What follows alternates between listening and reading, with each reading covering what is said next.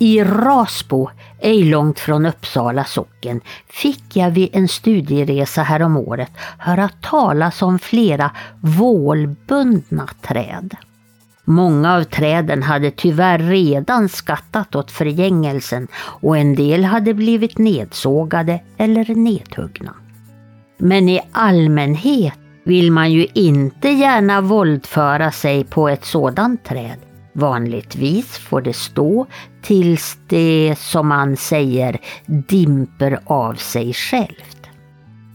För vålbundna träd, de är heliga. Och den som faller eller åverkar på ett sådant träd, den personen kan drabbas av farliga sjukdomar. Från Östergötland berättas om en man som tyckte att man bedrev vidskepelse med den här botemedelstallen i Hycklinge. Så han, han tänkte hugga ner den. Men han blev sjuk och fick fullt med blåsor i händerna. Så han blev tvungen att sluta upp medan han var något så när helskinnad. Det är en så stor makt i det trät, så sades det. Ännu på 1912 fanns tallen vid Botolfs brink kvar. Men eh, med tydliga spår efter huggen. Och troligen står den kvar där än. Att hugga ner eller flytta ett sådant träd, det är inte heller rådligt. För då förlorar trädet kraften sin. Det sägs att i Tuna socken i Uppland där ska ha funnits ett beryktat vålbundet träd. Det var en björk till vilken folket kom från när och fjärran för att söka bot för sina sjuka barn. Men så kom där en ny ägare till stället där träden stod. Han lät såga av trädet och ställa upp det på sin gård. Men eh, sen var det som om trädet inte hade samma kraft i sig som förut. Fortfarande kom han dit med sina sjuka barn, men det ville inte längre hjälpa. Tack vare denna insikt om dylika träds helighet så har många av dem blivit bevarade ända in till våra dagar. När jag var där, det var på år 1918, då fanns där tvenne vålbundna träd kvar, inte långt ifrån varandra. Det var ett par björkar som man sa alltjämt var i bruk för det hade man särskilt varit vittne till för en sex sju år sedan. Men eftersom sådana kurer numera ses som vidskepelse så blir säkert besöken där i allra största hemlighet. Däremot så var det inte svårt att komma till tals med personer som hade biträtt vid sådana tillfällen. Och man var också synnerligen välvilligt tillmötesgående till att vara mig behjälplig till att föreviga den här försvinnande fornseden. I Rasbo, där botade man barn som sades vara vålbundna genom att dra dem genom de vålbundna träden.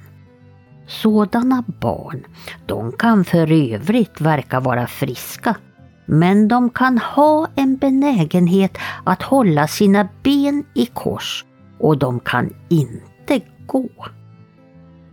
Det kan de visserligen inte heller om de fått den engelska sjukan, men det är inte riktigt samma sak, sägs det. För om de blir friska från den sjukan, då kan de i alla fall inte gå om de är vålbundna. Så sades det.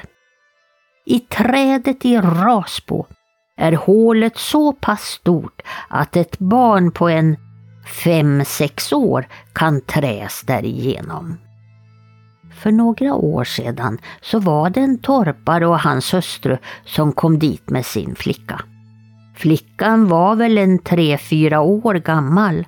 Fadern stod på den ena sidan av trädet och trädde in barnet i hålet och modern stod på den andra sidan och tog emot.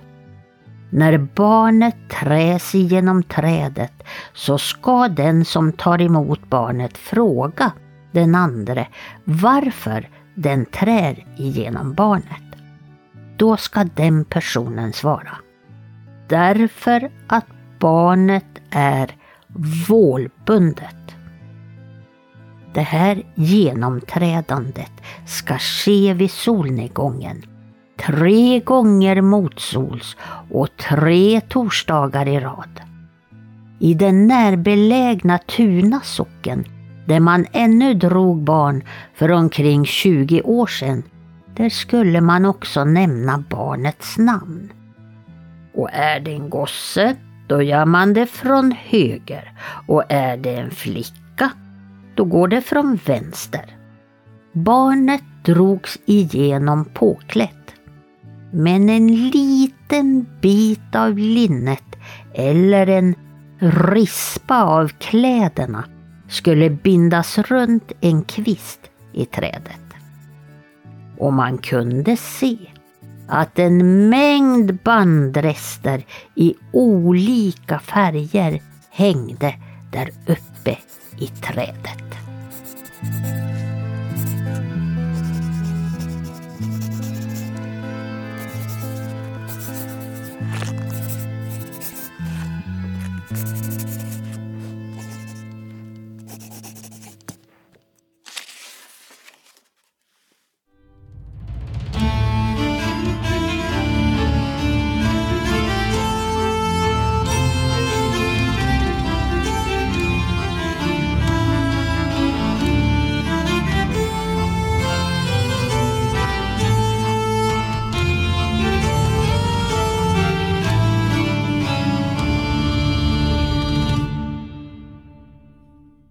Hej allesammans och varmt välkomna till ännu ett avsnitt av När man talar om trollen. Den här härliga podcasten där vi pratar om folktro och myter och olika traditioner som vi har här uppe i Norden. Och det är ju som vanligt med mig eh, Tommy Kosela från Oknytt. Och sen har vi då Lars, nej vänta, det, det är du som är Tommy Kosela och jag som är Lars det är så länge sedan vi har haft ett avsnitt, Tommy. Sist jag såg mig i spegeln så såg jag inte ut som Lars Wahlström. Så att eh, jag tänker att jag fortfarande är Tommy Kosela och du är Lars Wahlström. Ja, oh, vilken tur. Ja, nej, men vad, vad bra vi får ordning på det här. Det är så himla länge sedan vi höll på med det här. Vi har ju haft ett sommaruppehåll. Ja, det har vi. Men vi har ju absolut inte varit overksamma. Utan eh, vi har ju fortsatt att producera härligt material på vår Patreon-sida till exempel till våra medlemmar som är så fantastiskt härligt för att det är så otroligt fint att få se att ni kan stödja oss i det här arbetet som vi gör på vår fritid. Och det är lite också det som kanske har gjort att vi har haft vårt sommaruppehåll också här. Vi har ju fullt upp under sommaren. Både du och jag jobbar ju för fulla muggar hela tiden. Ja, och sen försöker vi faktiskt vara lite lediga ibland också. Ja, de säger att man måste vara det. Att du sitter inlåst och spelar Baldur's Gate 3 i en vecka, det är ju är det ledighet. Va? Eh, det gör jag på min fritid. ja, ja, såklart, det är sommar. Nej, men det, det, det, är klart att vi, det, det, är mycket och vi behöver vila ibland. Så det här är väl det längsta uppehållet vi har haft från den ordinarie podden. På tre år? Ja, på tre år sen, sen vi startade. Vi fyllde ju faktiskt tre år i augusti nu. Mm. Det är helt otroligt när vi startade här. Det kändes ju aldrig som om att eller förhoppningen fanns ju att det skulle bli så eh, långlivat. Men nu är vi där mer än tre år senare och vi har inte så gång täckt alla kända väsen, exempelvis. Det, det, finns massa material kvar och det känns väldigt, väldigt fint. För att annars hade vi ju kanske bara bränt igenom allting på ett halvår och sen så fanns det ingenting kvar.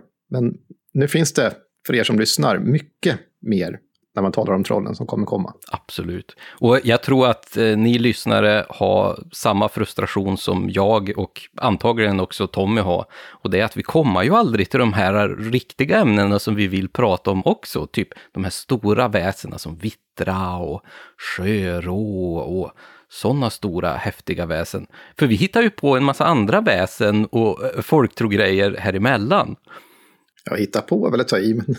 ja, men... Och det är ju någonting som vi kommer att göra idag också. Det är också någonting, vi har ju träffat många av er som lyssnar. För att genom de här tre åren så är det ju många som har kommit fram till oss i olika tillfällen och eh, berättar om varför de tycker om podden och sånt. Och någonting som man har förstått är att när man lyssnar på den här podden så överraskas man ibland och lär sig någonting nytt mm. som är lite mer djupgående än säg en snabb googling på internet skulle ge. Och därför så vill vi också fortsätta. Folktro som ju är vårt huvudämne är ju så mångfacetterat. Det är ju inte bara övernaturliga väsen eller föreställningar om djur, sånt som vi har, skrivit, eh, som vi har pratat mycket om. Men det är också trolldom och det är seder och bruk av olika slag som, där man inkorporerar alltså magiskt tänkande. Så att därför så blir ju det här avsnittet ett led i den fåran om man säger så, där vi faktiskt tar tillvara på en form av trolldomsteknik eller en botemetod som man har använt för sjuka kreatur och barn framför allt. Och vad är det för något då, Lars? Jo, men jag har hört att det finns någonting som man kan göra om man har typ krämper eller om man är föds lite konstigt som man inte kanske ska se ut när man är född. Och så här. Eh, och det, du vet, det, finns någonting som heter rotdragning. Mm. Och jag, jag, förstår att det är inte det är inte när man går till tandläkaren, där kan man göra rotfyllningar och sånt där också. Men det här är någonting annat. Ja, precis. Det här är ju riktiga rötter, alltså på träd. Så i det här avsnittet kommer handla om hur man drar en person igenom en öppning. Och det kan vara i jord, jorddragning, eller under rötter på träd. Mm. Eller en hålighet, oftast är det då när trädet har växt på ett sätt så att det växt ihop så att det bildar en slags ring, eller en öppning. Och genom denna så kan man dra en person som är sjuk. Mm. Och ni som lyssnade på den här äh, inledningstexten av, som Eva har läst upp, då tog hon ju i, berättade i första person. Och den här första person som egentligen har skrivit det här hette Louise Hagberg och var i början på 1900-talet verksam vid Nordiska museet. Mm. Hon är känd också som, som skrev om eh, föreställningar om döden. Och när döden gästar i hennes stora Magnus Opus, den här Louise Hagberg. Hon har skrivit massa artiklar och, och små böcker, bland annat om påskhögtiden och sånt där. Och en artikel som hon skrev, det var det som vi hörde ifrån nu, det var till en festskrift till Nils Edvard Hammarstedt, som också var verksam i Nordiska museet. Och den här artikeln bär rubriken Några anteckningar om smöjning. Smöj, smöj, smörjning menar du? Nej, inga R. Smöjning är ett annat ord. Vi ska förklara varför det är smöjning och inte smörjning. Mm -hmm. Men här så, så hörde vi att man heter, hänvisade till Rasbo socken här i Uppland. Mm. Jag, tittar. jag tittar inte i Rasbo, men i Uppland. Om ni söker på internet efter träddragning, smöjning och söker på kanske Rasbo eller Uppland, så kommer ni ganska garanterat hitta ett fotografi från 1918 här för mig. Samma fotografi som också Lars har använt del av till bilden för det här avsnittet. Och det är en iscensättning och det är den som Louise Hagberg berättar om i det som Eva läste upp nu. Ja, och för er som lyssnar kanske vi kan föreställa det här lite grann. Det är ett svartvitt fotografi på ett stort, väldigt knaggligt träd. Jag är lite osäker på om det var en ek eller vad det var för eh, typ av träd. Men som inte har något löv i stort sett. Och på varsin sida av det här trädet så står det en eh, man med svarta kläder och en svart hatt. Och nästan baksidan av trädet så står det en kvinna med huckle på. Men igenom det här trädet så håller de ett litet barn rakt igenom stammen på trädet. Precis som att de de drar barnet igenom håligheten på stammen, tvärs igenom trädet så här. Mm. Och det är väl antagligen det då som jag förstår ska vara en iscensättning då av den här typen av smöjning eller rotdragning då. Ja, eller träddragning kan man till och med kalla det för. Jag, jag har ju själv skrivit om det här i en, en artikel som kommer komma ut sannolikt 2024, mm. en längre artikel om, om träddragning som botemmetod. Men det är precis det, för att det här är ett träd som liksom har självvuxit på ett sätt så att det är en hålighet i, i mitten. Och genom att ta ett barn som är sjukt, oftast är det då engelska sjukan som man ska bota barn för, som ju var en allvarlig sjukdom i äldre tid som man inte riktigt visste hur man botade. Och det fanns ju olika eh, metoder för att bota detta och en av dem som många kloka ordinerade var att man skulle ta barnet till ett sånt här särskilt träd och under en viss ritual som kunde se lite olika ut så skulle barnet dras igenom. Ibland flera torsdagar i följd, ibland nio gånger kanske efter varandra. Och ibland ska det lämnas ett offer till trädet. Alltså det, det finns väldigt olika sätt att göra detta på. Men det som är gemensamt är att den sjuka ska igenom trädet eller den sjukes kläder.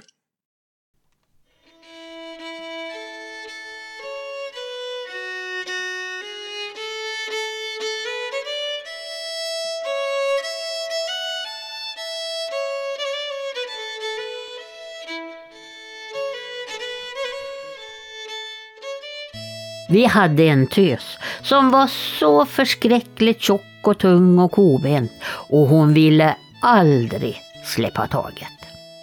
Vi for ju till doktor Ekelund i Skövde. Vi trodde att han skulle sätta järnskenor på henne. Men han sa hon har engelska sjukan i bena och den kan jag inte bota.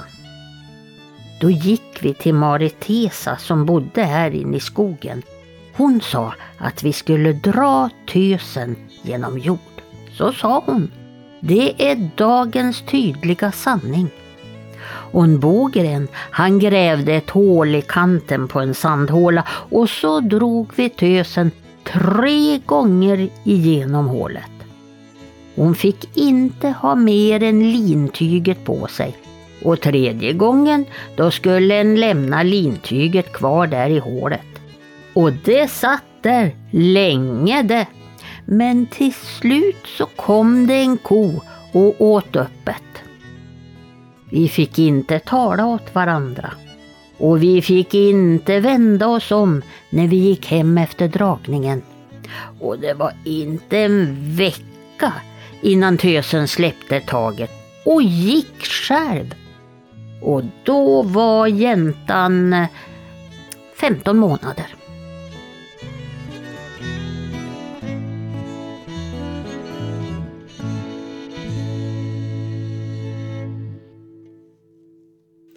Ja du Tommy, här får vi ju se en liten tös som eh, var väldigt tjock och tung och krokbent och hon ville liksom aldrig släppa.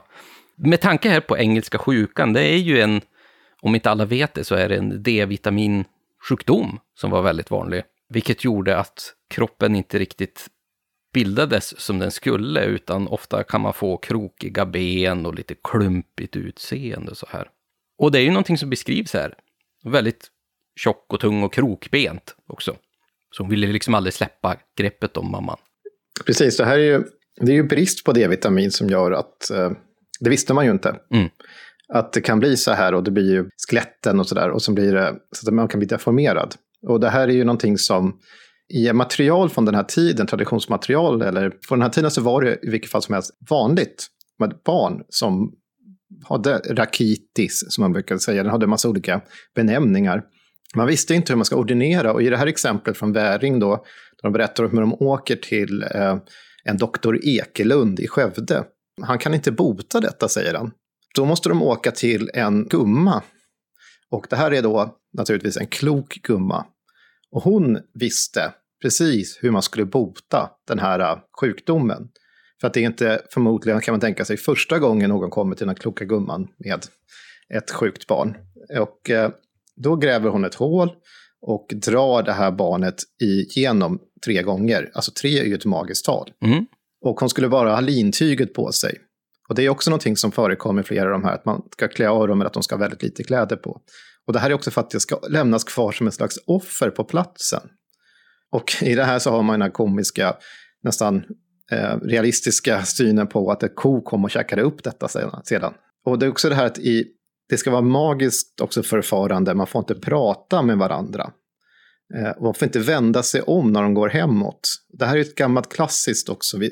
Det finns många gånger att om någonting sker i olika skattsägner pratar vi om det här också. Man får aldrig vända sig om tillbaka. För då kommer det magiska man har utfört att gå om intet. Det kommer liksom upplösas. Och sen menar hon ju på att, eller personen som berättar här, att det tog bara en vecka och sen så kunde det här lilla barnet som bara var ett år gammalt, ett år och tre månader, kunde då gå av sig självt.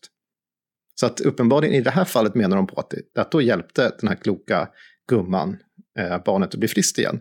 På ett sätt som, det här var i Västergötland, men vi har många exempel från hela landet som visar på att man gärna går till specialister.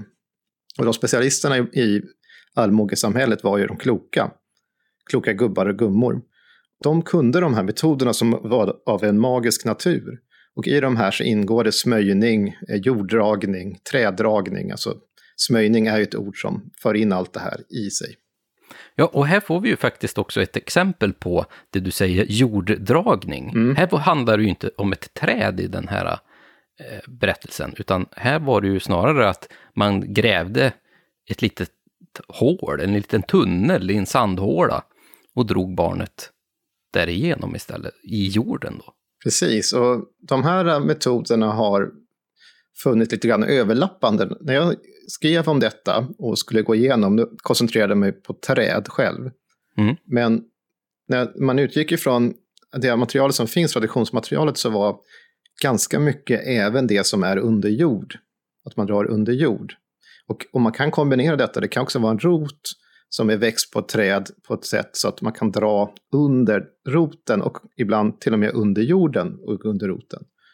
Men det är viktigt att det ska liksom passera en slags öppning och sen ska den komma ut på andra sidan. Jag har en intressant grej där som, eh, vi kan prata om det lite senare här i avsnittet, just det här med själva jorddragningen, som jag tycker är intressant. Mm. Men jag skulle vilja veta lite mer om det här ordet smöjning, ja. som inte är smörjning, Nej. utan det är smöjning. Du ska få smöj.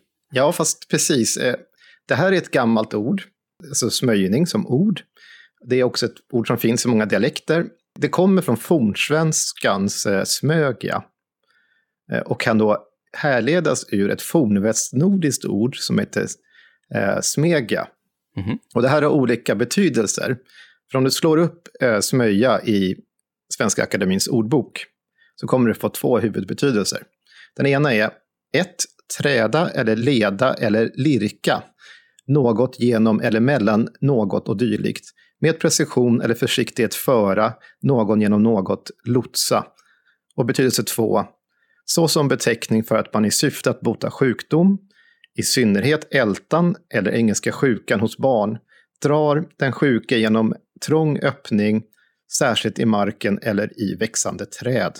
Mm -hmm. Så där har du mhm. två huvudbetydelser och det täcker ju faktiskt in vad vi precis har hört. Ja, man träder ju ett barn eller en vuxen igenom något hål om det är ett träd. Men då kanske man skulle också kunna säga att jag ska försöka smöja in den här tråden i nålsögat på min synål. Ja, visst, det skulle du kunna säga.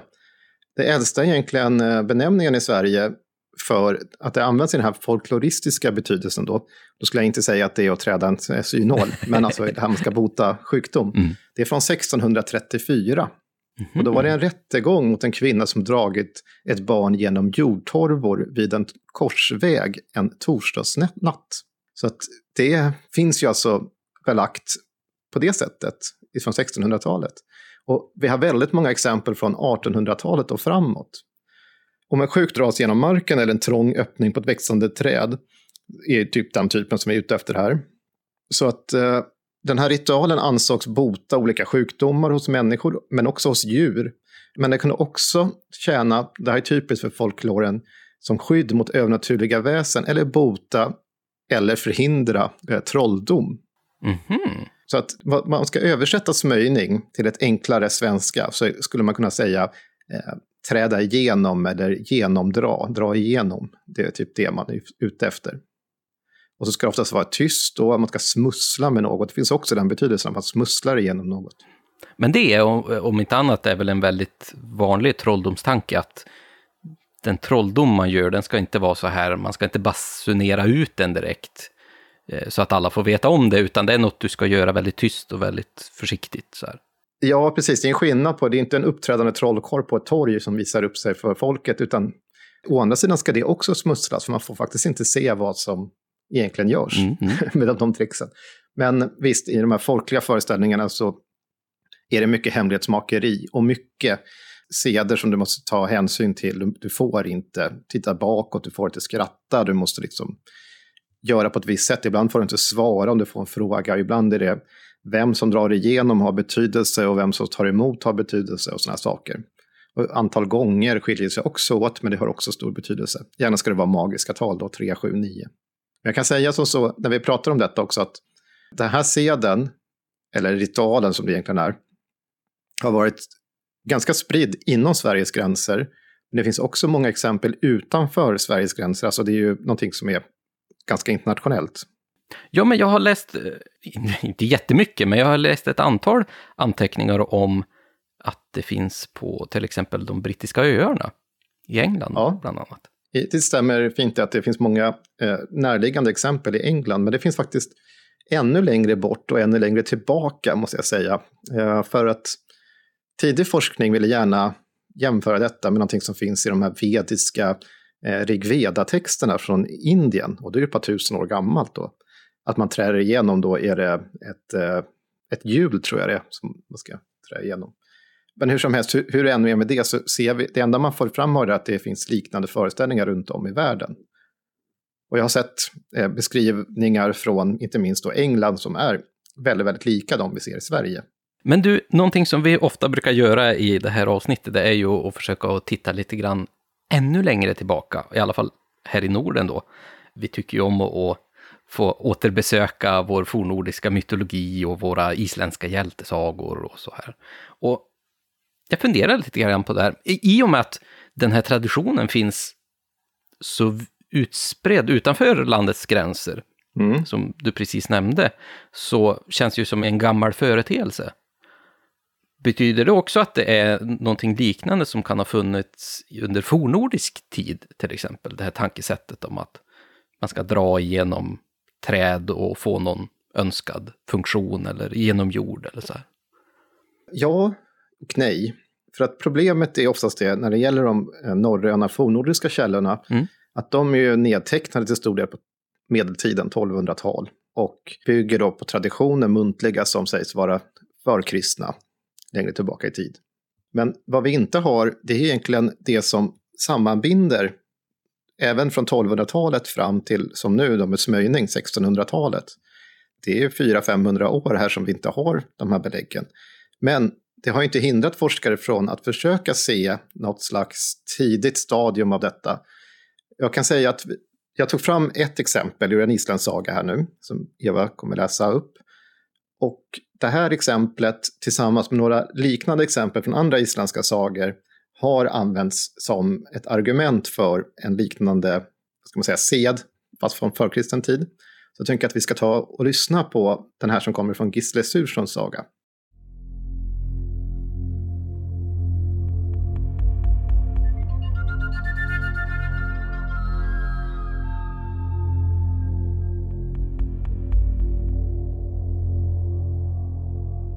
Bland folket på Valseiratinget talades det om hur ståtligt Haukdalingarnas sällskap var och hur väl de talade och hur värdiga de var.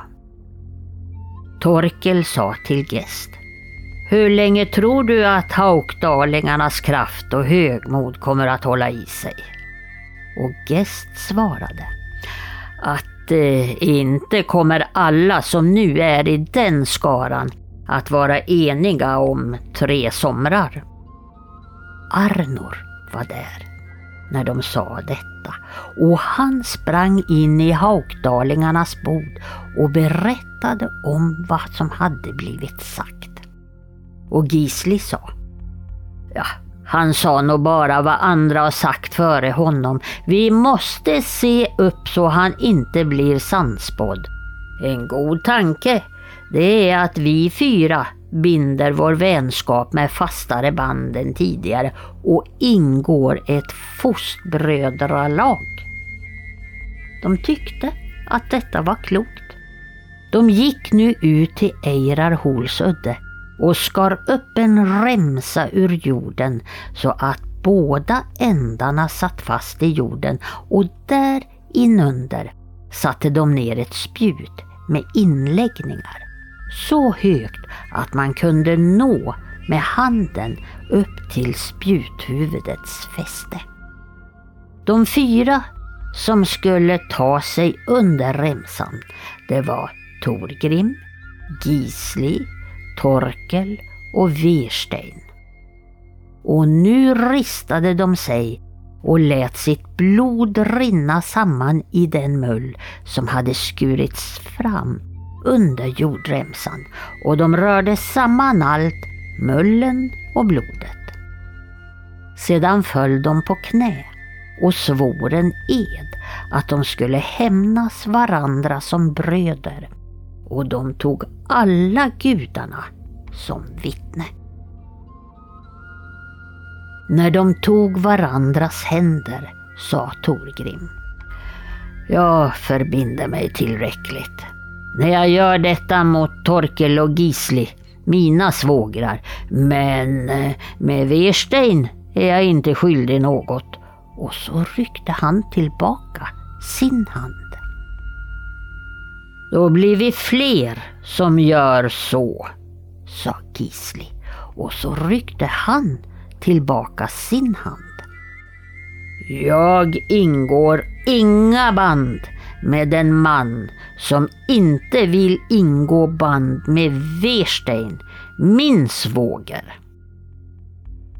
Detta väckte uppseende. Gisli sa då till Torkel sin bror, nu gick det som jag misstänkte. Och det som nu är gjort, det var förgäves. Jag tror att ödet får råda i detta. Och så får man hem från tinget.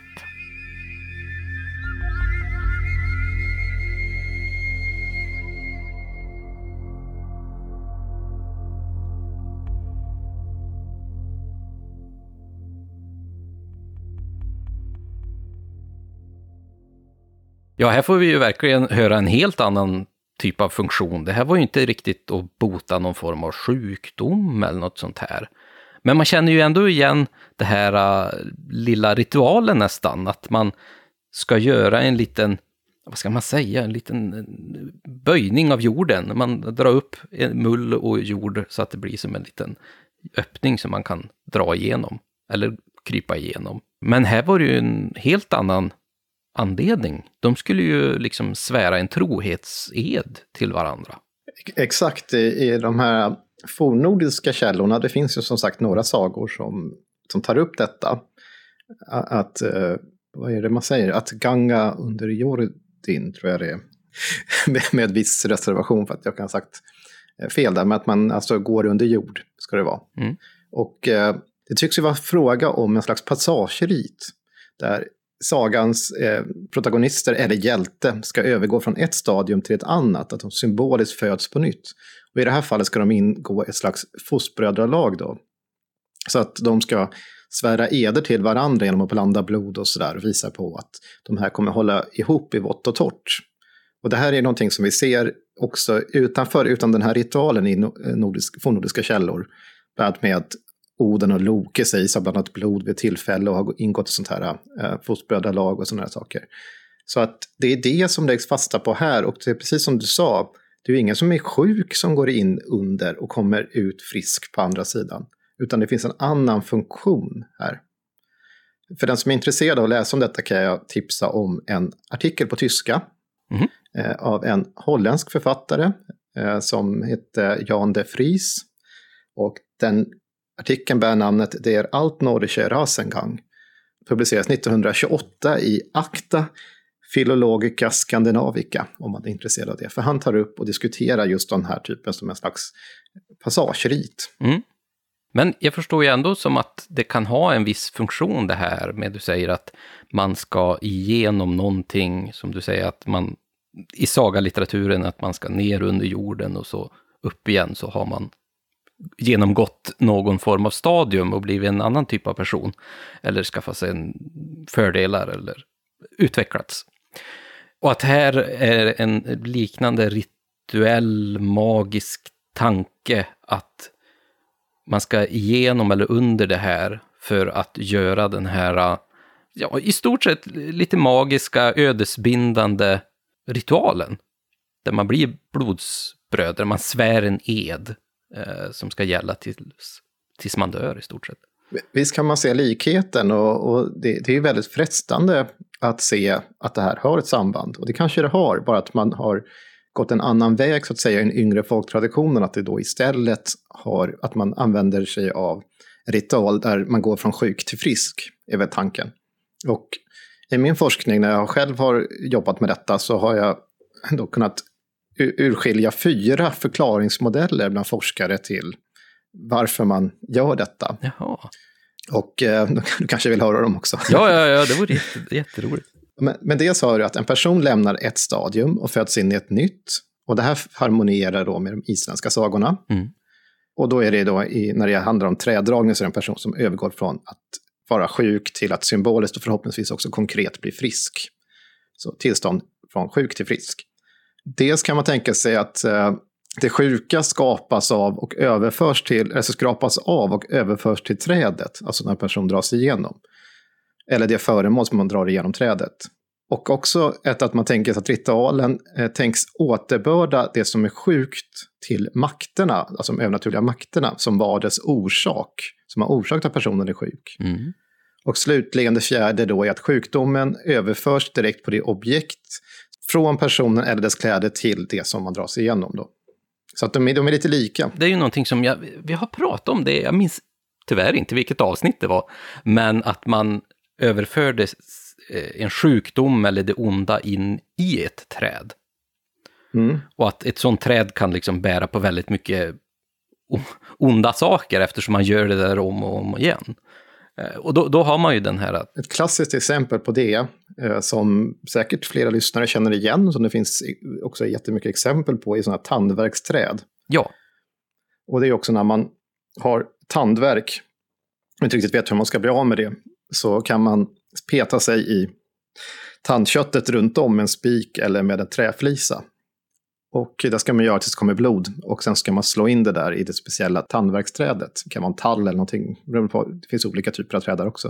Och då är tanken att sjukdomen överförs direkt på trädet. Och den som är dum nog att fälla det här trädet någon gång kommer få alla sjukdomar som är där i. Det kan vara bölder också om man ska bli av med. Man liksom petar runt i bölderna och sen in i trädet och sådär. Så att det finns, det finns ganska spännande berättelser om sånt också. Men jag tänker att i det här folktraditionen, om man säger så. Om man tittar på hur folk berättar om det här, med smörjning och så. Det här är forskare som är intresserade av exakt vad som sker. Vi vill ju skapa modeller och försöka förstå, medan de som berättar själva, som blir alltså meddelare från den här tiden, de är inte alltid så noga med att förklara exakt hur det går till. Det viktiga är att man följer traditionen och tänker sig att det är ritualen, om den utförs rätt, som botar. Exakt hur det går till, det behöver inte förklaras. Utan man vet att ja, men kommer den här kloka gumman eller gubben, gör det här, läser lite magiska ramsor och så vidare, så kommer det per automatik bli bra. Så sitter man inte och funderar på, jaha, jaha, där sa han det ordet fel, eller där överförs det till trädet, föds den här personen på nytt, är det som att genomgå en födelse? Från, alltså det, sånt tänker man inte riktigt, utan man, man, man litar på att det blir rätt gjort bara. Nej, och det är ju någonting som vi kommer att se i och höra i många av de här berättelserna också, att även om de följer vissa spår som känns igen, så är de ju väldigt olika också. Man kan utföra på lite olika sätt, uppenbarligen. Ja, precis, för man tänker ju liksom det här om man symboliskt föds på nytt, det skiter man ju i så att säga. Mm. Man vill ju att man ska bli frisk. Man vill inte vara symboliskt på nytt född, utan man ska, personen ska vara frisk. Liksom. Ja, ja.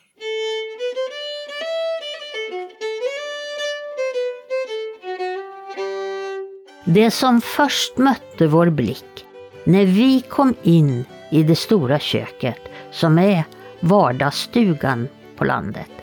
Det var en 25 centimeter hög ögla av trä som stod mellan tvenne köksstolar. Längre fram, mitt för fönstret, där stod en vagga med ett barn i. Men ack vilket barn! Så magert och så uselt att det såg ut som ett skelett. Där det skulle vara tjockt, där var det smalt och tvärtom. Matinrättningen som fanns över barnets huvud var så beskaffad att då barnet ville skrika, då måste det äta, annars skulle det kvävas. Detta barn som sades ha blivit fött i julas var alltså sjukt. Och istället för att söka läkare eller någon annan mänsklig hjälp så skulle det nu, för att bli friskt igen, trädas tre gånger genom denna ögla som stod mellan köksstolarna. Öglan kallas på folkspråket för valbundet. Man skulle trä barnet genom öglan först en söndagkväll och sedan två torsdagskvällar i rad. Och under tiden skulle valbundet stå där mellan två stolar precis så som vi fann det. I vilket årtusende skall denna vidskeplighet hos allmogen kunna upphöra? Vad ni precis hörde av Eva, det var en reseskildring. Och eh, därav finns det en viss nedsättande ton också. det som vi nämnde här, i vilket årtusende ska vidskepligheten åt allmogen upphöra. Men det är ju då av en person som reste i Sörfors i, i Västerbotten, J.O. Högstadius, som beskriver eh, det han ser. Mm. Och det intressanta i hans beskrivning är ju dels att, eh, att han ondgör sig över att de har använt sig av vidskepet istället för att söka en, en läkare. Och det kanske är lätt för någon som kommer från en tätort att säga. För att med stor sannolikhet var det väl en ganska stor bristvara på den typen av läkare. Ja, verkligen. Som säkert inte heller visste bättre än den kloka. Den kloka kunde många gånger bättre veta vad det handlade om. Och vem skulle man lita på egentligen när det gällde sina barn? En läkare från stan eller din egen mor eller mormor? Ja, det är inget som säger att, det, att man är säkrare hos en medicinskt utbildad läkare under den här tiden. Nej. De kan få för sig att uh, peta i barnen allt möjligt som inte heller mm. idag skulle anses vara nyttigt för barnet. Men uh, det är också en intressant detalj som kommer fram här, är att han tycks ju att barnet ska dras igenom en ögla av trä. Och det här barnet tycks ha varit betraktat som ett slags, ett slags bortbyting. Mm. Och det, bortbyting i, i Västerbotten är ju då vittra, alltså som har orsakat detta. Eh, för att vittra är traditionsdominant i stora delar av Norrland. I södra delen av landet skulle vi kanske kalla det för att det är troll som har gjort liknande saker, i alla fall i Mellansverige. Men att tanken att det ska liksom återbörda det friska barnet genom att man utför den här ritualen. Med stor sannolikhet är det ju också engelska sjukan eller någon, eller någon annan sjukdom som egentligen har, som det egentligen handlar om i det här fallet. Ja. Det är svårt att veta. Men här har vi i alla fall en betraktelse. Något som är väldigt intressant här är ju just att det är mer som en liten, ja vad ska man säga, en trägren eller kvist eller någonting som är böjt runt. Mm. Och det, det, är där man får den här öglan som man kan smöja, mm. om man mm. använder det ordet, då, barnet igenom för att göra det friskt. Då ska man dra det igenom där.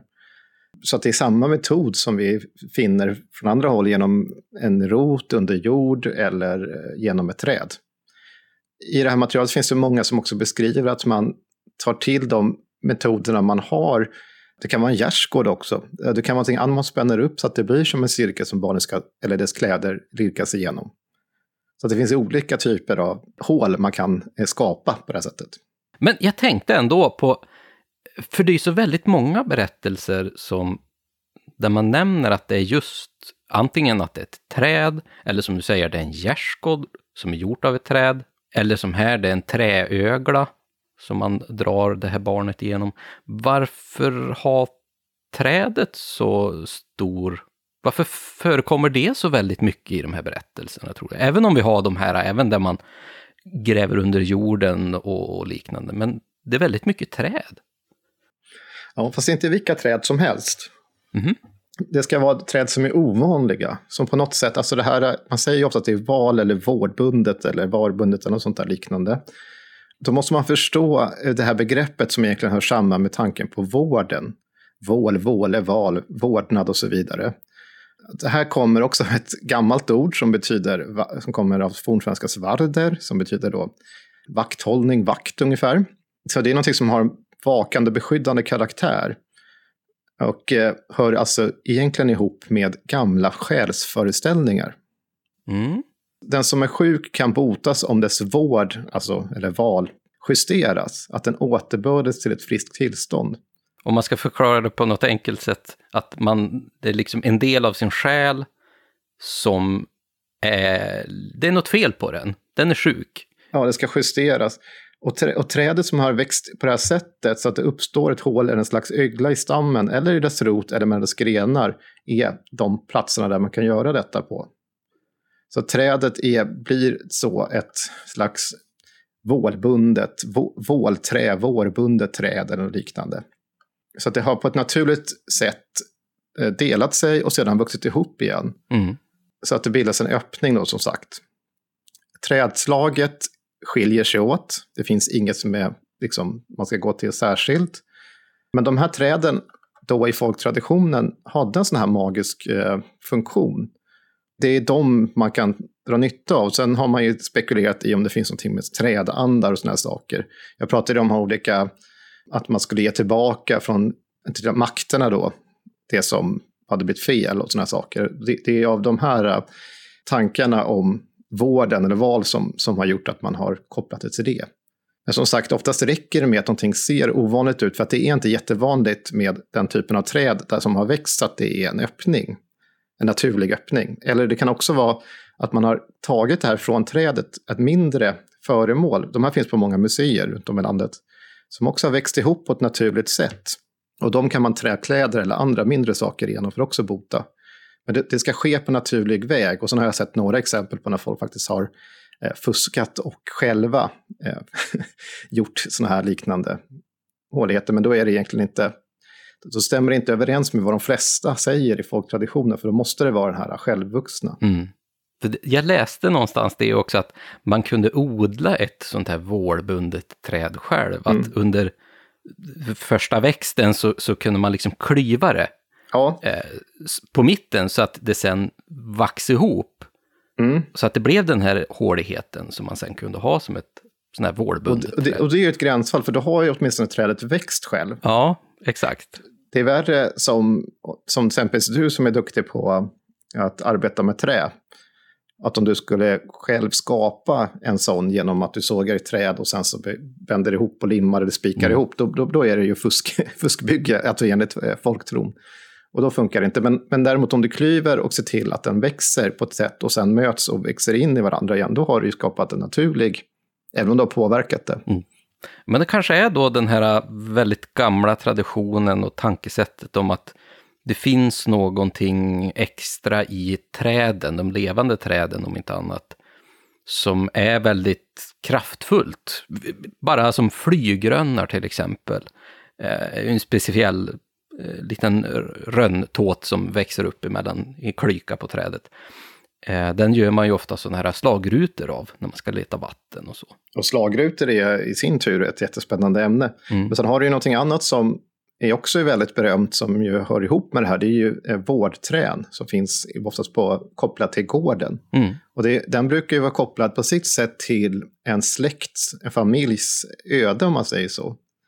Den får man inte heller fälla hur som helst för då kommer släkten gå under. Så här har du åter den här tanken på eh, att det slags vakar över familjelyckan, om man säger så, för, över gården, gårdslyckan. Knutet till en viss släkt då.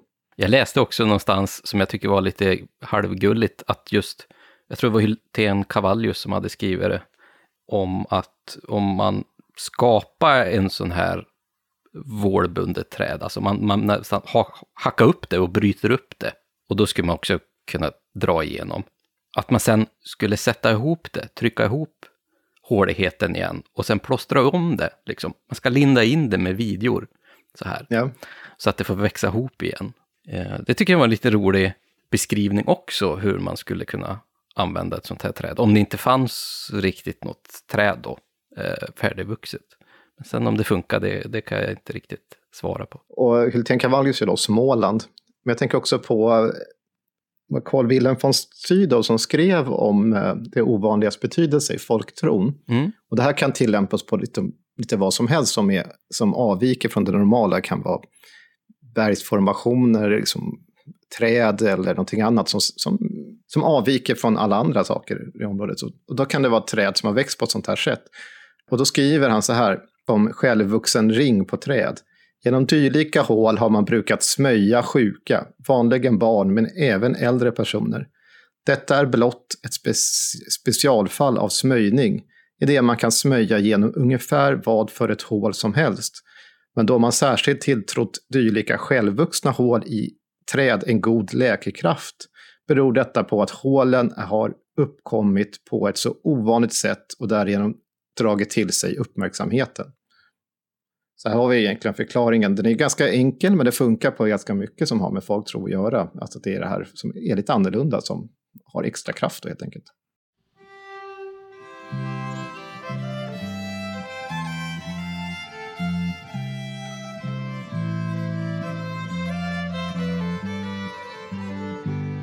På Rönninge gård i Sörmland, invid Flaten, fanns det för en vålbunden sälj där det på 1880-talet brukade ligga fullt med uppruttna klädesplagg. Ännu år 1895 sågs där en stor hög med klädtrasor. Genom ett stort hål i stammen drogs barn igenom trädet första torsdagen i ny varvid de träddes med huvudet mot öster, tränne gånger kring trädet och så in igen. Sedan kastade man barnets linne eller skjorta där bredvid trädet.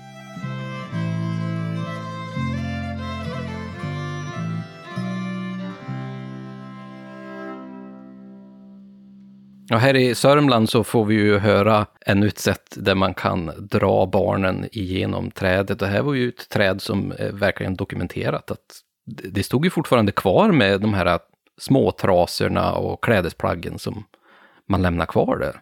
Faktum är att det finns sådana här träd också bevarade på museer. Nej. Eller så, inte träd, alltså sådana kläder som har offrats. Jaha, ja. Jaha, ja. Men får man verkligen ta med sig de äh, kläderna därifrån? Det låter ju farligt.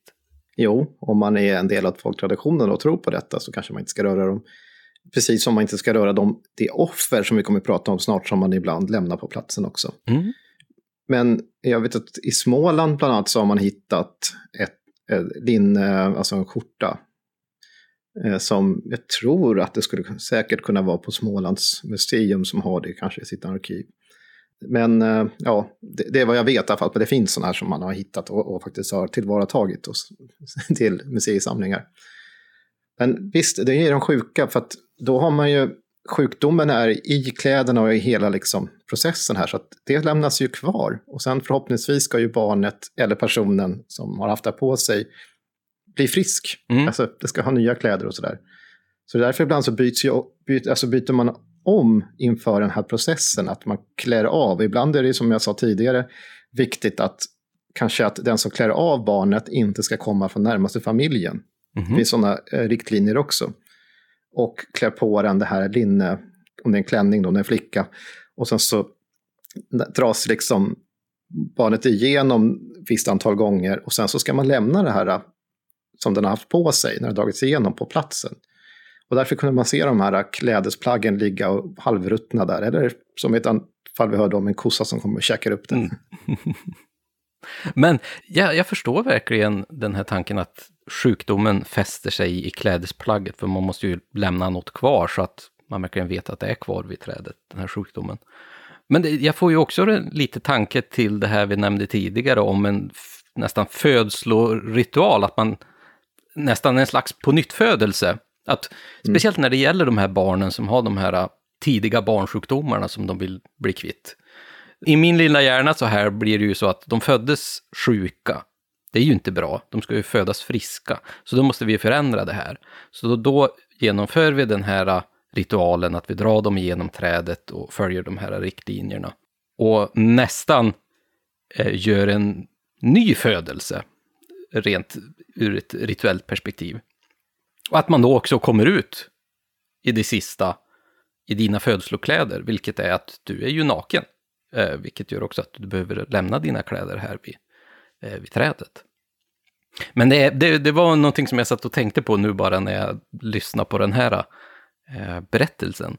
Jo, men precis. Men det är, det är ju lite grann det man har tänkt sig då. Förutom att man egentligen bara följt traditionen. Men det, det, är ju det, man vill lämna sjukdomen på platsen och den personen kommer därifrån.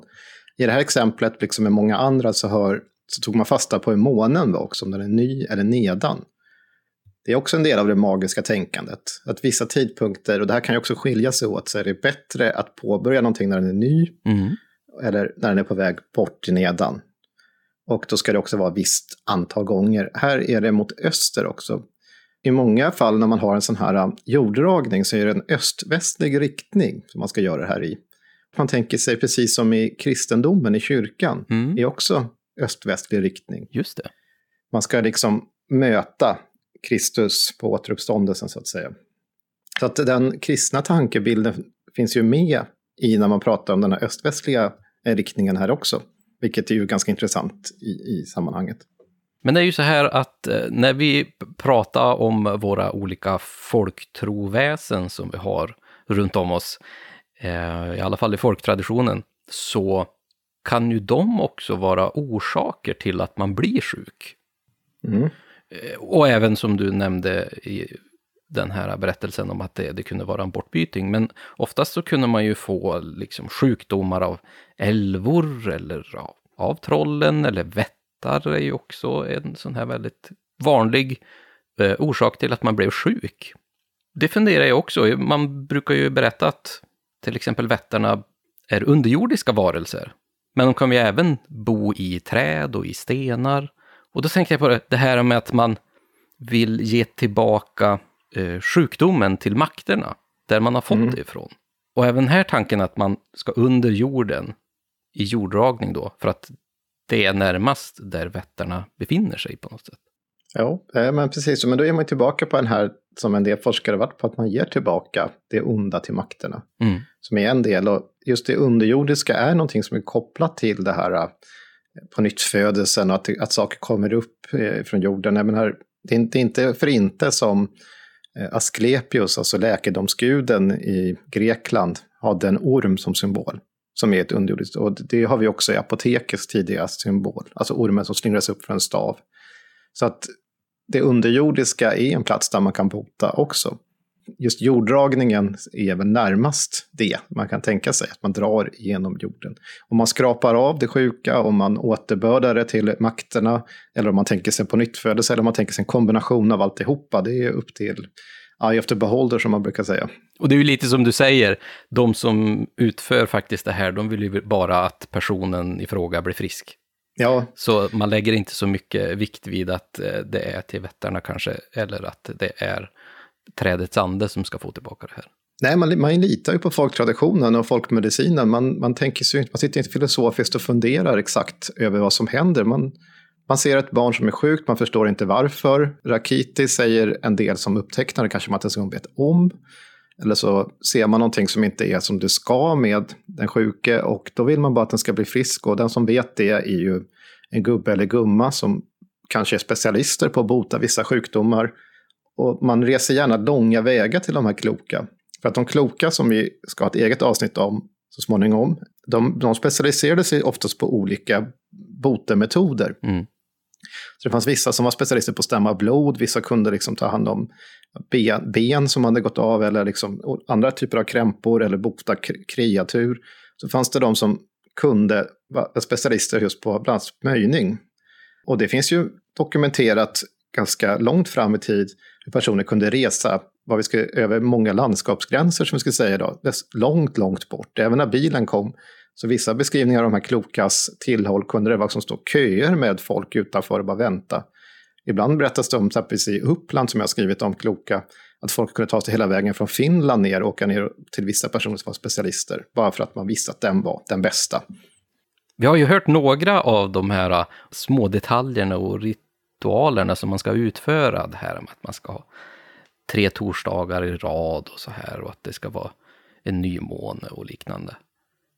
Men äh, har vi någon liksom, liten sån här äh, hotlist eh, på de olika delarna som man ska utföra när man gör en sån här rotdragning?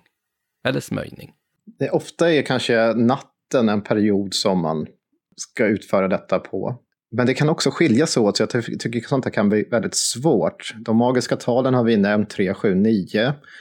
Torsdagar som så mycket annat i magiskt tänkande är viktiga, eh, starka dagar. Men det finns också de som säger att jag det tre torsdagar i rad, alltså gå till samma plats, gör samma sak tre torsdagar. Eller gör det nio gånger direkt. Mm -hmm. Så att alltså, det kan vara stor variation där. Ibland, som, som jag också nämnde, så ska det vara motsatt kön, de som drar igenom. Ibland ska det inte vara släkt alls med den som botas. Så att ha en sån här enkel checklist blir svårt när man tittar på ett så stort material som det ändå handlar om. För att det, där, där ser vi, där är variationen ganska, ganska slående. Och sen också, ibland så är det ju magiska ramsor som också läses i samband med detta. Och många av dem har inte bevarats av naturliga skäl för att de ska vara lite hysch-hysch med. Men ibland kan det handla om att man ska säga vissa saker när den sjuka dras igenom, att den ska liksom på nytt födas. Ibland har det med kristendomen att göra, ibland inte. Så det är saker som, som förekommer i många fall. Fullmånen berättas om ibland, ny och nedan med månen berättas om ibland. Men ofta som sagt är, skulle jag säga, natten ganska vanlig eh, tidpunkt. Du menar alltså att min eh, sån här Aftonbladet eh, retorik, top 10, inte riktigt funkar när vi ska gå igenom folkliga traditioner? Det brukar vara svårt, för då måste man få höfta ganska mycket. Och, eh, ja, och skulle man säga, som jag inte sa där, så är också tanken på att lämna någonting ett, som ett offer till platsen, någonting som också utförs i många fall. Mm. Och skulle man säga då vad man ska offra, då är det ju kanske mynt, ganska vanligt. Men också klädesplaggen som den sjuka har dragit sig igenom. Det finns ju exempel på de här mynten som har lämnats, alltså som har berättats. Von Sydow igen, nu har jag inte den framför mig här, men jag läste förut en artikel av honom där han, han pratade om träd och sådär. Tror att det var Halland som han hade varit i och eh, var ett, ett särskilt sånt här eh, boteträd. Då. Han fotograferade den, för det finns en fin bild på den. Det är en speciell gran som har växt och är väldigt liksom, tät och hög liksom, och, och liksom avviker från alla andra träd runt om, vilket också har med det ovanliga att göra. Men vid den där så har det varit en del boteritualer och där lämnade man mynt. Och de här fick man absolut inte röra. För att då kunde man störa det hela och få sjukdomar på sig om man stal därifrån. Men han berättar också om ett par ynglingar som sen hade gjort detta för de skulle ha pengar till sprit. Och då hade det inte gått någon nöd på dem, de hade inte skadats av detta. Annat än vad spriten, spriten gör med dem sen.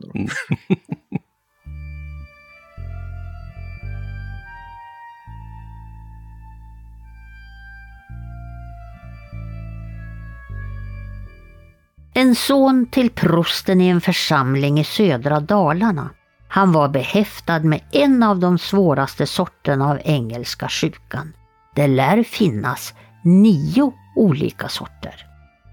Prostens son, han led av elakartade utslag och kunde inte sova. Prostinnan lät genom en väninnas förmedling därför rådfråga en klok gumma som var av finsk härkomst och var boende vid Salagruvan. Mot en riksdales ersättning föreskrev gumman att en illaluktande salva skulle smörjas över hela barnakroppen tre kvällar och rad, alltid vid samma tidpunkt. Dessutom skulle ett större piller formas av samma läkemedel. Pillret skulle förtäras av den sjuke pojken varje gång som han smordes. Under de tre dygn som kuren pågick så fick gossen ej tvättas. Huru än han skrek. Men efter kuren då skulle linnet och de klädespersedlar som han haft på sig där inunder noga brännas upp. Den här första ordinationen, den visade sig emellertid vara helt ganglös. Därför provade man ett annat sätt. Barnet smörjdes tre torsdagskvällar efter varandra vid solnedgången och träddes genom hålen mellan pinnarna i badstugestegen. Tvenne pigor utförde detta.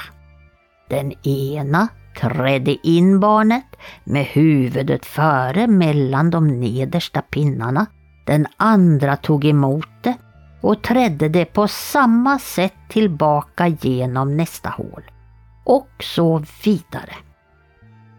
Den som har berättat det här för mig, han hade såsom dåvarande minderårig i uppdrag att stå på vakt så att ingen obehörig, ja allra minst prosten själv, som hölls i okunnighet om hela saken skulle komma och få se detta förehavande. Dock, även denna behandling visade sig vara overksam. Nu tillgreps följande. Vid solnedgången, tre torsdagskvällar och rad, så bars barnet motsols tre varv varje gång omkring boningshuset. Härvid låste man farstudörren på det att ingen inifrån skulle komma och med sina steg korsa dens bana som bar på barnet. Inte heller fick någon utifrån överträda denna krets förrän ceremonin var över. Slutligen användes ännu ett medel och om ens detta var det sista av vidskeplig sort, det må lämnas osagt. Förråd av det här slaget lär ha funnits i överflöd. Någon måste nu för den sjukes bättring smörja älvorna. Men till detta kunde inte vem som helst anlitas. Det måste vara någon som ansågs vara invigd i offerkultens mysterier. En gammal kärring som var ansedd att ha mera vetande om sånt än andra, hon fick uppdraget. Tre torsdagskvällar efter varandra smorde hon vid solnedgången älvkvarnen med ister eller med osaltat smör och sedan offrade hon en eller annan småsak av obetydligt värde. Huruvida några andra särskilda ceremonier eller besvärjelseformer har blivit använda vid de här älvbloten det visste inte den här uppteckningens sagesman någonting om. Emellertid lär väl inte heller detta sistnämnda medel ha åstadkommit någon vidare verkan, ty gossen förblev sinnesslö i hela sitt liv. Märkas bör att prosten själv, han var helt okunnig om detta hokus pokus. Men det hela skedde med prostinnans goda vilja och vetande, ja oftast på hennes egen uttryckliga tillstyrkan. Och här måste det betonas att hon, prostinnan, hon var inte av allmoge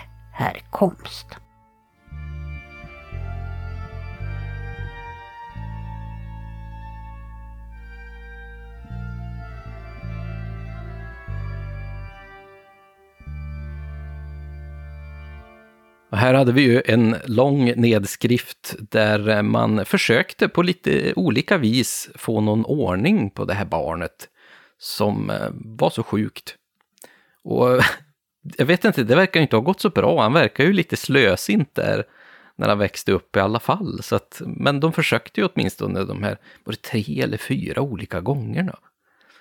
Ja, här ser man ju nästan desperationen som finns över hur man ska bota en sjukdom. Mm. Uh, här har man tillgripit olika typer av metoder från folkmedicinen eller olika botemedel helt enkelt. Uh, till och med att vi har med att man smörjer älvkvarnar och sånt där. Och vi ska väl prata om älvor så småningom för att den här typen av bot finns också knutet till älvorna som ju också orsakar sjukdomar. Men det som är intressant i det här fallet är ju att de faktiskt, det här är för övrigt från Dalarna från 1850-talet, det är att man drar, genom den, drar det sjuka genom den här äh, håligheterna i stegen. För det är ju det som motsvarar det som vi pratar om här. Så, som en av de här olika metoderna som uppenbarligen inte hjälpte då enligt den här som har Hammarstedt som har skrivit om detta. Och det är ju samma typ av alltså, smöjning genom de här hålen. Och så har man ju även försökt sig på olika smörjor. Alltså man har smörjt personer med olika smörjor. Och det är ju inte något ovanligt för folkmedicinen heller, eller kloka. Att de själva kokar ihop olika illaluktande salvor ofta som de liksom smörjer personerna med. Men det är som sagt smörjning och smöjning är olika saker. Men man kan kombinera detta på olika sätt också om man så vill. Så jag tycker det är intressant och det är också intressant att det finns en motsättning mellan prosten som inte ska få veta vad som sker. Att det liksom smusslas med detta lite i hemlighet för att man vet ju om att kyrkan kommer inte tycka att det här är en okej. Okay, för att man tillgriper eh, magiska medel. Trolldom helt enkelt. Ja, man vänder sig ju här till en, till en gammal finsk gumma, klok gumma. Och det är ju kanske inte någonting som prästerskapet och kyrkan tyckte var så väldigt bra, naturligtvis. Nej, men det är ju det som tidigare generationer fick så brutalt erfara när man går till eh, trolldomskunniga helt enkelt. För då finns det risken också att bli anklagad för häxeri och eh, nu på 1800-talet så bränner man eller avrättar man inte längre personer för trolldom. Men bara på generationer innan så var det ju ganska tragiskt nog, tragiskt nog ganska många som fick sätta livet till och många av dessa personer som avrättades brutalt av staten och kyrkan var ju kloka personer. Med all sannolikhet. Och det de gjorde det var att de kunde de här metoderna som bland annat vi pratar om här. Att man visste hur man skulle bota personer mot, från sjukdomar. Det finns en del fall faktiskt som har förts till rätten som också handlar om smöjning. Jag sa ett från 1600-talet men det finns ett ännu mer berömt fall från Eh, Sjögerås i, i Värmland från år 1722. Där beskrivs det i ett rättegångsprotokoll, där beskrivs det en sten eh, som allmogen länge har gått till för att dra sina sjuka barn vid. Och samtidigt ska de ha lämnat ett offer på platsen. Den här stenen ska sedan ha bortforslats av markens ägarinna, men den smugglades senare tillbaka i hemlighet till sin ursprungliga plats av folket. Då Eh, och fortsätter föra dit, som fortsätter föra dit sina sjuka barn. Och det som skedde sen var att en kvinna anklagades för att den här ritualen bröt mot en kristen lära och betraktades som villfarelse. I protokollet nämns också att hon utfört handlingen tre gånger på torsdagskvällar eller på söndagar innan solen gått upp. Dessutom lämnades offer i form av pengar, knappnålar och trådhärvor på den här platsen. Och då skrivs också i det här protokollet att det här skulle ha skett i tystnad. Och den som kröp under den här stenen och den som botade skulle också fasta innan ritualen utfördes. Och det ska ha funnits en eh, liten håla då under den här stenen. Så det, det, är intressant att det kan gå då i värsta fall till rätten. Och det som, så som det beskrivs så är det ju eh, ett typiskt fall av det som är smöjning. Ja, det är så himla fascinerande att få läsa om de här olika fallen och berättelserna när det gäller, i det här fallet då, eh, rotdragning eller smöjning. För specifikt just det här, och i överlag också i och för sig, olika typer av läkekonster som vi har haft här i landet, är ju att det är ju så utspritt. det är inte som att vi pratar om en spännande sten ut i marken där det finns kanske, där det sägs att det bor troll till exempel. Utan det här är ju någonting som man gjorde i väldigt, väldigt många bygder. Kanske ganska regelbundet också. För att man hade olika krämpor och då drog man igenom. Och vi fick ju höra här i den berättelsen från Dalarna, här försökte man ju flera, flera gånger dessutom. Det var inte bara en gång man gjorde det här, utan man testade en massa olika kurer och husmorstips. För att, som vi har sagt, vad skulle man göra om man inte kan åka till ett sjukhus eller en vårdcentral? Nej, som då igen, återigen, kanske inte allt där är en bättre väg att gå. Nej. Eh, för att, eh, ja det kanske låter konstigt att säga det, men en läkare under den här tiden som inte heller begriper skulle kunna peta i personen lite vad som helst. Och ett apotek under 1800-talet innehåller en hel del medel som vi idag vet är direkt giftiga. Som kanske dessutom används mer vid bergsprängningar än vid faktiskt sjukdoms... Ja, men det, det finns vård. metoder för man inte riktigt vet, så man testar sig fram där också. Mm. Eh, det är ju mycket säkrare naturligtvis. Idag skulle jag ju inte skulle jag ju rekommendera någon att kanske gå till läkare och förhoppningsvis få en specialist som kan se vad det verkligen är för problem, som man, den krämpan man har. Men under den här tiden så vissa sjukdomar visste man helt enkelt inte vad det var. Och en del läkare sa eh, rätt upp och ner nej till den som kommer, att de inte visste. Men den kloka visste och den kloka hade metoder och om det sen så är att det är placeboeffekt eller liksom något liknande som gör att det faktiskt fungerar, eller om det verkligen magiskt är så att det fungerar, ja, det återstår väl till eh, den som hör eller ser eller upplever det själv att avgöra. Men en del menar ju verkligen på att personer har blivit friska efter att ha utfört, ut, varit med om sådana här ritualer. Då.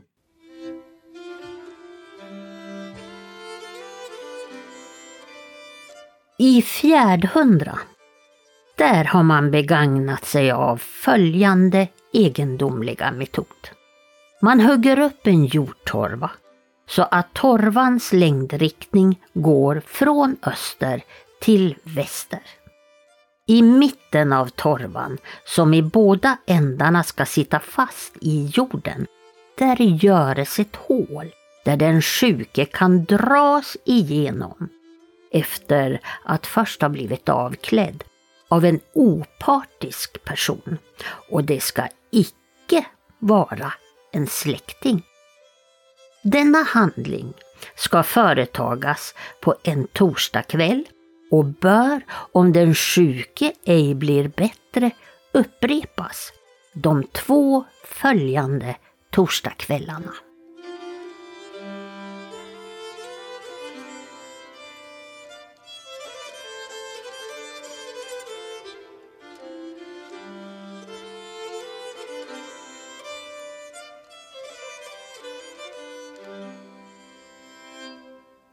ja, alltså eh, nu när vi precis har talat om sjukvården och apoteken, så jag tycker nästan att den här berättelsen ifrån eh, Uppland, som den kommer ifrån, det låter lite som ett eh, recept som man skulle kunna få ut på apoteket faktiskt.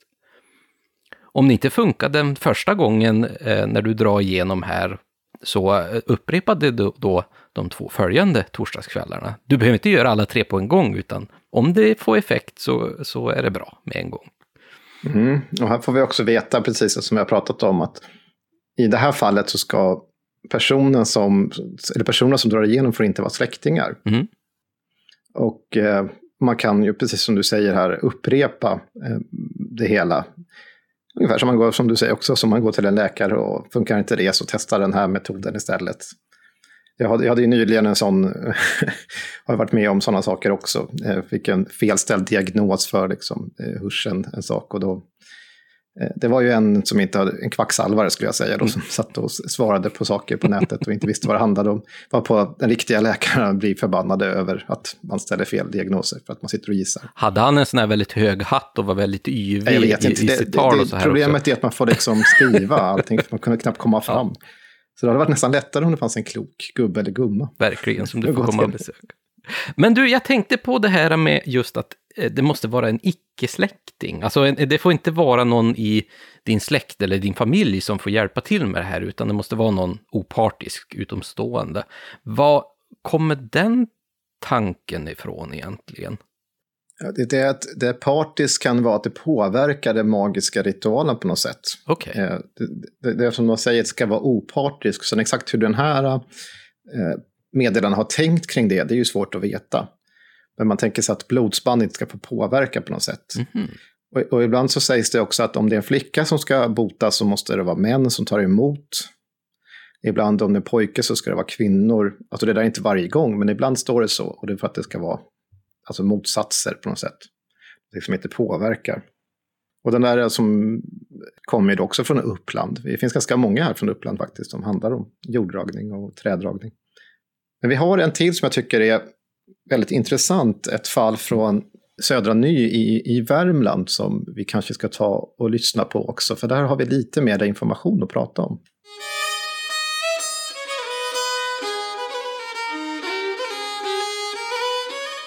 Om ett barn blev sjukt och inte visade tecken till att vilja tillfriskna, då gick man till en lämplig backe och grävde under en torva så att torvan ändå kom att ligga fast över hålet.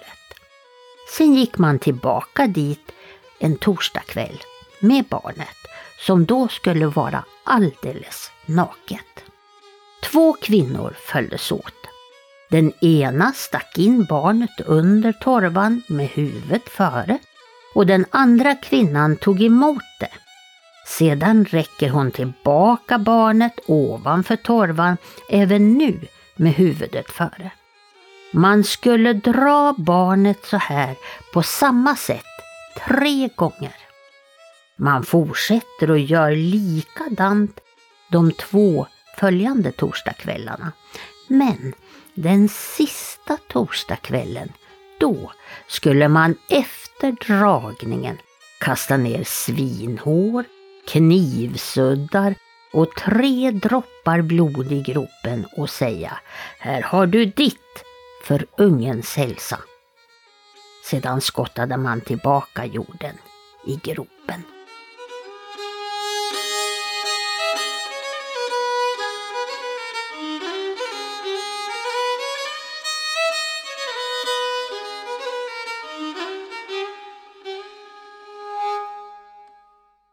Det intressanta med den här tänker jag, det är att vi får lite andra detaljer här. Här har du också i den här berättelsen en liten ramsa. Dels är det ett offer och här är det uppenbart att det vänder sig till slags underjordiska makter. Mm.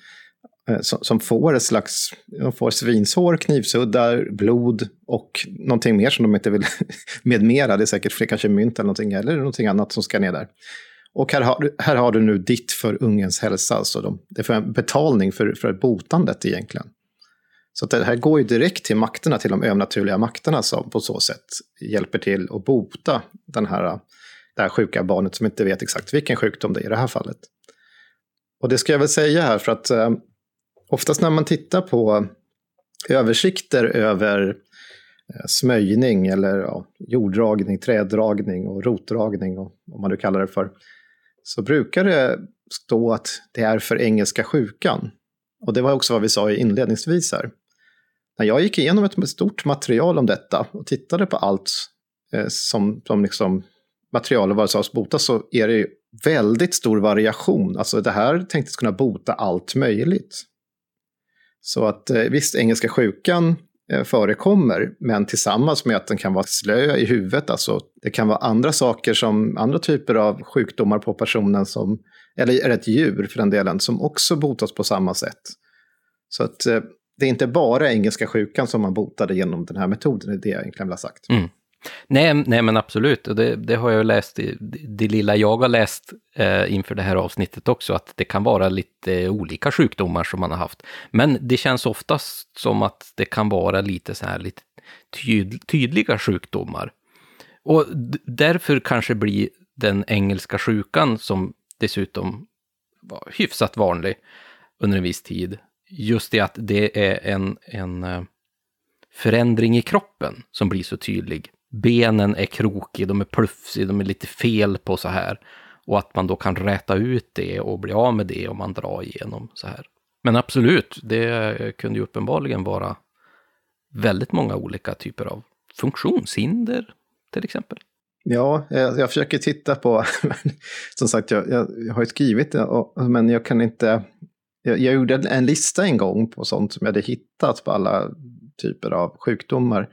Jag tror att jag har kapat bort det för att det blev för eh, styltigt. Men det var som sagt en väldigt stor spridning på olika saker som, som botades med den här metoden. Det är väl egentligen det som är det viktigaste.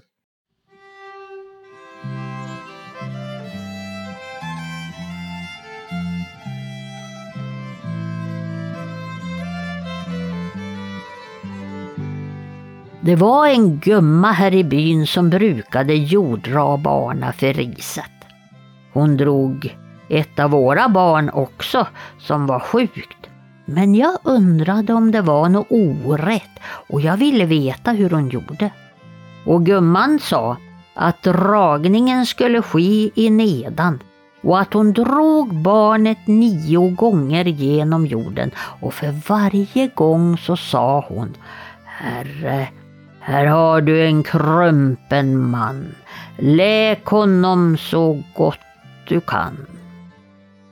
Gumman var troende och hon sa att Herren hade ju många gånger botat genom ganska enkla medel. Han öppnade ju själv den blindes ögon med en deg av spott och jord och det var ju ett medel som var lika enkelt som en jorddragning. Så därför så kunde vi också tro att han ville bota genom detta.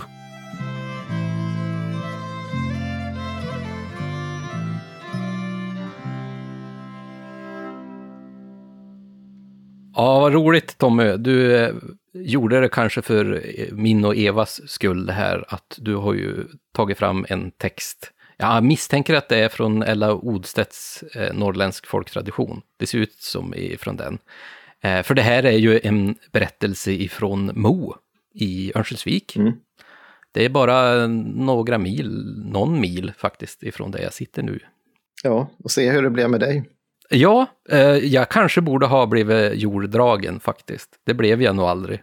Det... En krumpen man. Ja. jo, nej men det stämmer alldeles utmärkt. Det, det är Ella Ostedt som är den stora upptecknaren från arkivet i Uppsala och så jobbade som ung med Nordiska museet först. Eh, Bengt af Klintberg har ju samlat mycket av hennes eh, insamlade berättelser om sägner och folktro och så vidare i norrländsk folktradition. Och den, den, boken går ju att läsa gratis på Kungliga Gustav Vasa-akademins eh, hemsida. Mm. kan man ladda ner den, eller köpa den. Men här tycker jag att det är så intressant för att eh, när det gäller kloka så finns det ibland en, ett romantiskt skimmer kring dem, att de ska vara någon slags eh, traditionsbärare av en uråldrig kunskap som kommer tillbaka, går tillbaka till Hedenhös. Mm. Eh, jag har ju också skrivit om kloka och som, som kanske en del vet så var det ett symposium nyligen om kloka som vi hade på Kungliga Gustav Vasa akademin. Och i allt, alltid finns det hur mycket som helst om kloka. Men många kloka menade sig vara religiösa. Och en del var till och med medlemmar i en del församlingar tills de ibland blev utsparkade eller någonting annat. Men de utgick ifrån den kristna läran till stor del. Och i det här exemplet är det extra tydligt. Ja, här använder hon ju till och med Herren själv som både ett hjälpmedel mm. och en förklaring till varför. Och en biblisk parallell. Ja. Det finns det ju också inbakat här för att hon som har gått till den här gumman var ju orolig själv för om det här var en orätt metod, det vill säga en, någonting som man kunde, en okristen, eh, okristet medel. Men medan med den kloka här försäkrar henne om att nej då, jag är troende själv och det här är en slags kristen ritual på sätt och vis. Och nu skulle väl inte en prost eller liksom kyrkan i sig hålla med om detta. Men man säger ju den här sammanblandningen, en slags symbios mellan det folkliga som ibland har gamla rötter, tillbaka till Hedenhös, med kristen världsbild, för alla under den här tiden var ju kristna. Så att det gäller liksom att hitta en balans här och då har hon gjort det. Hon använder den här metoden och gör den genom att hela tiden dedikera den till liksom kristen, kristen liksom, ritual. Mm.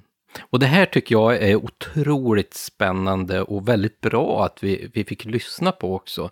Som en liten del av det här att vi får ju ofta frågorna om att folktron som vi ibland enkelt benämner det, är någonting som står utanför den kristna traditionen, den, den kristna kyrkan, den svenska kyrkan.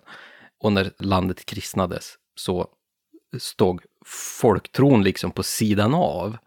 Men det här är ju en väldigt tydlig del att det här är en väldigt komplicerad utveckling som har skett under väldigt lång tid. Där religionen och dagliga trosföreställningar har vuxit ihop. Jo, men precis, för att folktron är en integrerad del av ens världsbild. Mm. Och den, den här bilden förändras ju. Folktro finns idag också. Den ser lite annorlunda ut och den har ju anpassats efter vår tids världsbild och efter berättaren, den som själv utför eller tänker olika saker, hur den ser på världen. Och då passar det här in, så att det är bara ett sätt att tänka i en större världsbild som i sin tur är kristen. Mm. Inte minst det här materialet som finns i arkiv och sådär. Eftersom det är oftast 1800-tal och tidigt 1900-tal och det är en tid som kristendomen var väldigt cementerad i samhället. Man vågade knappt någonting annat. Men med det sagt så betyder det inte att en del ritualer och en del saker man har gjort och lärt sig från tidigare inte kan vara så pass långt tillbaka som från förkristen tid. Alltså vissa element, men man tänker inte det. Man har inte en ritual till Freja under 1800-talet, det hade varit helt otänkbart. Och det hade till och med varit otänkbart att ha till uh, Jungfru Maria. Samtidigt som vi hittar Jungfru Maria i en del trollformler exempelvis. Mm. Så att, så att det, liksom, det har den här uh, sammanblandningen hela tiden. Så att kristet, ja, men visst kan du hitta element som, om man liksom plockar ut dem ur det här, som man kan tänka sig, ja, det här är någonting som kan ha kontinuitet långt tillbaka. Medan berättaren, eller den som utför det, ju anser sig själv vara kristen i vilket fall.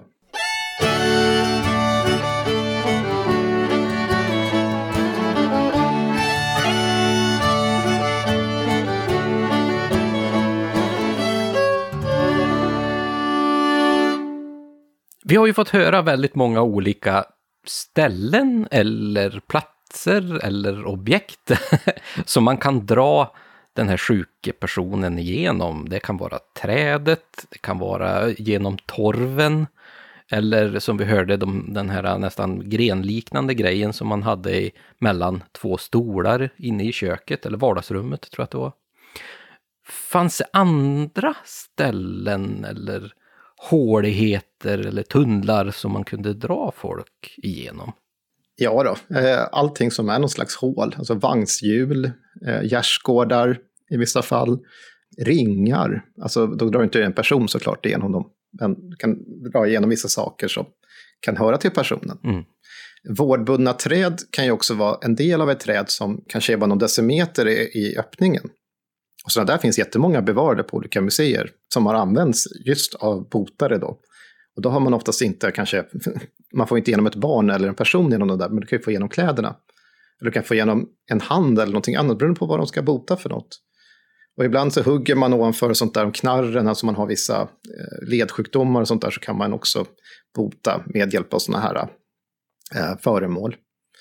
Så att det viktiga är att man för igenom någonting som är en slags ringformad hålighet, eller en hålighet som man kan få i, från en sida till en annan, någonting igenom.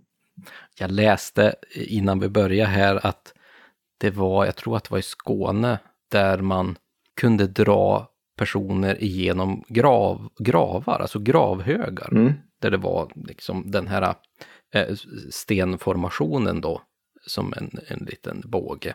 Ja, alltså absolut. Det har också förekommit. Och jag tänkte faktiskt, jag satt och gick igenom jättemycket, jag, på något sätt så snöade jag in på Sörmland här innan. Jag läste jättemycket botemedel. Och väldigt mycket saker kommer, kommer ju från eh, gravar. Mm. Men jag tänker att det är lite utanför det temat vi hade tänkt idag. Så jag hittade tyvärr inget bra, men jag hittade, eller jag hittade jättebra saker att ta upp, men inte för det här avsnittet, om jag säger så.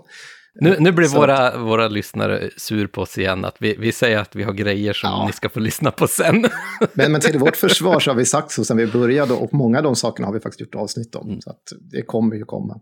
Och ni vill väl att vi ska finnas kvar flera år till? ja, för det, det vill ju gärna vi, naturligtvis. Men en sak som jag tänker på här i allting som, som har också ganska gamla rötter i den här tanken på att de här träden som har botats, Mm. Vi, nämnde ju ett, eh, tandverkstallar eller träd, tandverksträd. Många sådana har ju stått kvar ute i bygderna ganska långt fram i tiden. Jag tror till och med det står kvar. Man ser spikar och sånt inslagna i. Men det är en gammal tanke på att den som skadar eller hugger ner ett sånt här magiskt laddat träd också drabbas av dess sjukdom. Och jag har ett par exempel framför mig här att från 1700-talet i prosten Johan Törner så har han ett par exempel och jag ska citera nu. Och så skriver han så här. Så är och somliga träd av den beskaffenhet att om någon hugger eller bryter någon kvist av dem så blir han sjuk och far illa och blir intet botad förrän han bär dem tillbaka igen. Eller så säger han, gamla träd som länge stått vid gården hugger man ej gärna bort, emedan vulgus, alltså allmogen, tro att några geni, alltså andar, ut i dem hava sin boning. Därav kallas det tomteträn. Jaha. Man får tomtar. Ja. Och sen har du en annan, Leonard Fredrik Räf, som också en handskrift efter en prost som heter Dan Nordin, som skildrar seder och bruk bland allmogen i Väsbo, berättar att om dylika träd nedhugges hämnas älvor och tomtegubbar. Så här är det bara, jag tänkte bara det är en intressant grej, för att här är ju tanken, in, sjukdomarna och väsen återigen hand i hand lite grann. Men samtidigt så är det ju att de här eh, boteträden är att man brukar inte senare prata om att det är väsen som skadar någon, utan det är, det är bara sjukdomarna i sig, de bara slår på den. Så det, fin det finns sådana här, eh, jag läste jättespännande berättelser om när man ska avverka skog och sådär, och så ska man eh, och så, så kommer man och ska köpa upp skog och så, sen så vågar folk verkligen inte det är vissa träd, boteträd som har stått där. Mm. De vill man verkligen inte, och de kan ibland stå kvar när andra träd kommer bort. För vem ska vilja hugga ner den, det här trädet? I vissa fall så har ju vinden skött den saken och då, då brukar man faktiskt inte säga någonting om någon skadades eller inte, för då är det naturen själv. Men om en människa sätter sågen till ett sånt träd eller drar omkull det, då, då jäklar, då kommer de få allt på sig. Ja, men du sitter ju i den här sitsen att du har ju väldigt lite att förlora på att inte hugga ner den där, men du har väldigt mycket att förlora jo. om det skulle gå åt helsike, om du hugger ner det. Så att då, då, då struntar man hellre i att kapa ner det där trädet. Men den sinnebilden man får, nu pratar jag exempelvis om tandverksträd mm. eller med bölder, att bara okej, okay, här har vi haft fyra, fem generationer som har stoppat in eh, sina bölder och annat i det här trädet. Och du kommer där som en skogshuggare och så ska du hugga ner det här trädet. Man tänk, bara tanken på att få allt det här på en gång över sig. Nu tror jag att det går till så, men däremot så om någon har huggit ner ett sånt träd och sen drabbas inom en viss tid av ett ganska kraftigt handverk, vilket inte heller var ovanligt, då är det ju lätt också att associera det direkt till, jaha, just det, mm. jag högg ner det där trädet. Ja, men visst. Och, eller att man har levat i en sån tradition och sen är man ute i skogen och styper på ett sånt här träd som är proppfull med antingen massa spikar som sticker ut, eller att det hänger en massa traser runt om här, då tror jag man drar sig många gånger innan man faktiskt hugger ner ett sånt här träd. Oavsett om det tillhörde våran familj eller om jag bara mötte den ute i skogen. För att jag har vuxit upp med den här föreställningen om att man utförde de här olika handlingarna. Du ser att det är livsfarligt. Så ser ni träd ute med massa inslagna träflisor och spikar. Hugg inte ner dem. Nej. Bryt inte grenarna från de här träden. Men ja, vi, vi börjar närma oss ett slut känner jag. Men det är någonting, vi har pratat mycket om, vi har sagt att det finns olika sjukdomar och sådär. Jag tittade lite grann i mina anteckningar här och ser att ryggverk finns som ett exempel från Östergötland exempelvis. Man kryper under för när man har ryggverk, ska man bli av med det. Men sa att det fanns olika saker. Man kan dra, ta igenom kreaturen, Eh, genom vissa och det är för att skydda dem mot trolldom och öka eh, deras eh, välmående såklart. Man ska ibland krypa igenom naken. Det är också. I Medelpad finns det exempelvis också mot brock. Att man ska också botas mot brock. Skäver är ju också någonting som förekommer. Så att, ja, allt möjligt finns här. Och tystnad, eh, torsdagsnätter eh, och så vidare. Det, det, det är som här eh, standardgrejer i, i föreställningarna om smöjning här. Men jag tänker, som en sista berättelse som vi kan få höra i det här avsnittet, så kan vi flytta oss till den östra rikshalvan. Förlåt Finland, men alltså jag menar såklart Finland och svenskbygderna där i Finland. För den sista berättelsen kommer nämligen därifrån.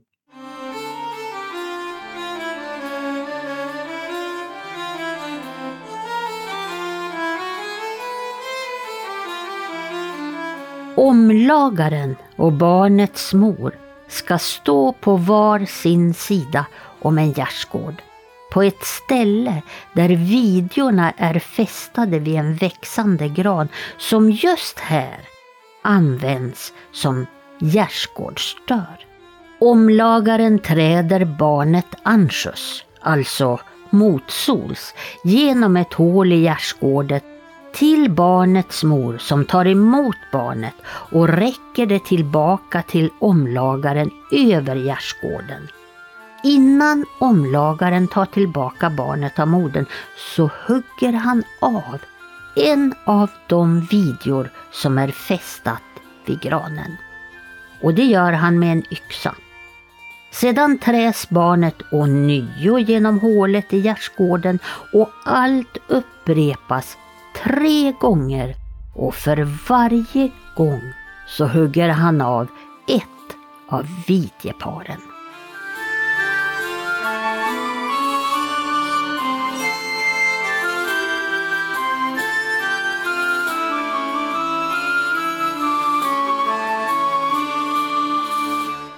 Så här, här fick vi då ett annorlunda exempel från eh, Finland, från Mamrelund i Petalax i mm.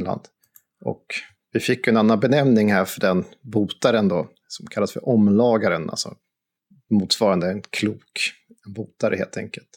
Och då ska man hugga av de här äh, paren av äh, vidjor, vidjeparen i gärdsgården varje gång som den här ungen har trätts igenom och över. Så att det är en process där den ska ner och upp och ner och upp och så ska man hugga av. Så att det är väldigt symboliskt att ett, då blir det lite bättre, två och sen tre så är det, då ska den bli bra. Mm. Så vi har en variant, men från då svenskbygderna i Finland istället. Och det här är väl kanske ett litet tecken på att just tankesättet kring att man kan eh, bota sjukdomar genom att dra den sjuke igenom någonting, om det är ett träd eller en gärdsgård, det är väl antagligen då spridit över i stort sett hela Norden, antar jag. Ja, men med, med viss variation såklart. Alltså, ja, självklart eh, vilka träd det är, om det är jord eller inte. Jag menar Island av naturliga skäl så har man ju använt andra metoder där. Eh, det är svårt nog att hitta stora träd där och skulle vara dubbelt så svårt att hitta de som faktiskt har fått en sån här en, en, en öppning som har växt på det sättet. Om man inte själv orsakar det. Mm. Men vi har ju fått höra liksom om den här ritualen och hur, man, hur den går tillväga. Vissa har ju menat på att den går tillbaka till den här gamla hymnsamlingen Rigveda då från Indien.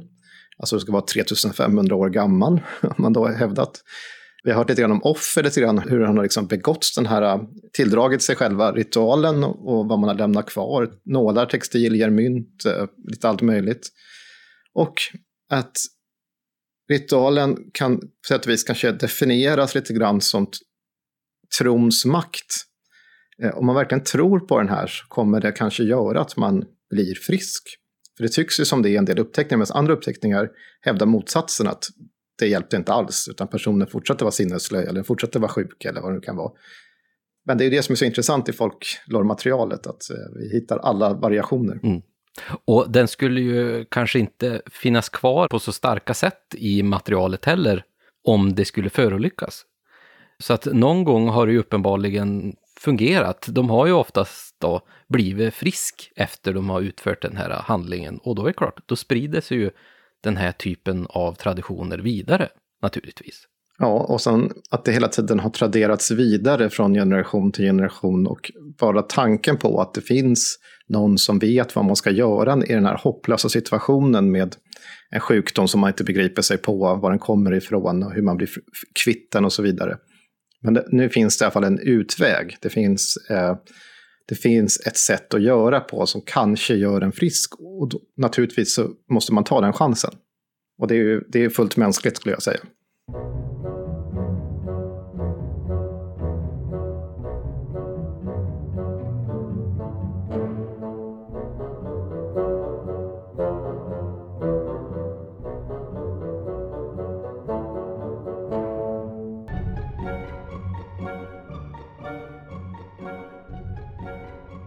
Vad säger du Tommy? Har vi gjort bra ifrån oss så här det första avsnittet efter vår långa, vår, vår långa period där vi har varit borta från er, kära lyssnare? Jag hoppas det. Men någonting som jag tänker på här som inte har med själva ämnet, det är att vi väl aldrig pratade om de kommande liveframträdandena vi faktiskt kommer göra ganska snart. Det kan vi ju faktiskt ta en liten paus här och, och berätta om faktiskt. För att nu under hösten så kommer vi ha ett antal live-framträdanden som vi jättegärna skulle vilja få möta er där ute i landet. Det är så himla roligt att få träffa er. Tommy, du själv har ju varit ute på lite olika saker eh, som kanske inte har just varit med podden alla gånger, men men jag har träffat er, er lyssnare i de här tillfällena. Bland annat på Medeltidsveckan på Gotland. Mm. Väldigt roligt. Och, och prata med er och höra. Och varje gång brukar jag ställa, i ett sådant här föredrag brukar jag ställa frågan om, och det blir roligare och roligare för att det blir oftast fler och fler personer, men är det några som lyssnar på när man talar om trollen? Och ofta är det faktiskt majoritet som gör det. Det gjorde jag här om veckan också på Bohusläns museum mm. Eh, i Uddevalla. Också väldigt roligt. Det var ett hyllningsföredrag till Ebbe Schön då. Och du har ju haft en utställning nu som går ner i Värmland, i Deje. Eh, jag har haft en utställning med Oknytt i Deje i Värmland.